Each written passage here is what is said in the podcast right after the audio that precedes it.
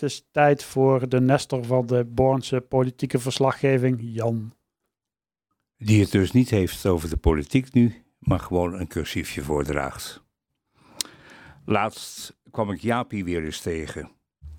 In de rubriek over de tijdgeest.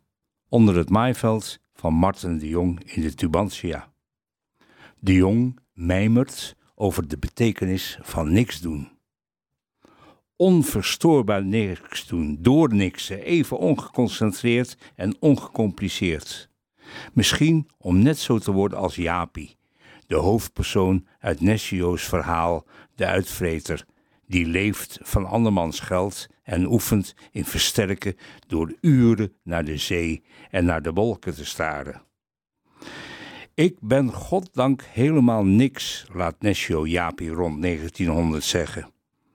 Lang voordat het Nederlandse niksen een hip werd, voegt de jong daaraan toe. In een studieboek vind ik een stukje onderstreepte tekst.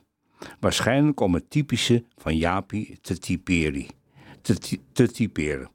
Japi knikte. Wat doen? Hij haalde zijn schouders op. Doen? Niks doen. Jullie kerels zijn zo akelig wijs. Alles moet een reden en een doel hebben. Ik ga naar Friesland. Niks doen. Nergens om. Zonder reden. Omdat ik er zin in heb. De weinig schrijver Nessio ontmoette ik opzettelijk vaak en graag in mijn studietijd. Ik zocht hem in mijn boeken geregeld op. Vanwege zijn melancholisch en ironisch realisme?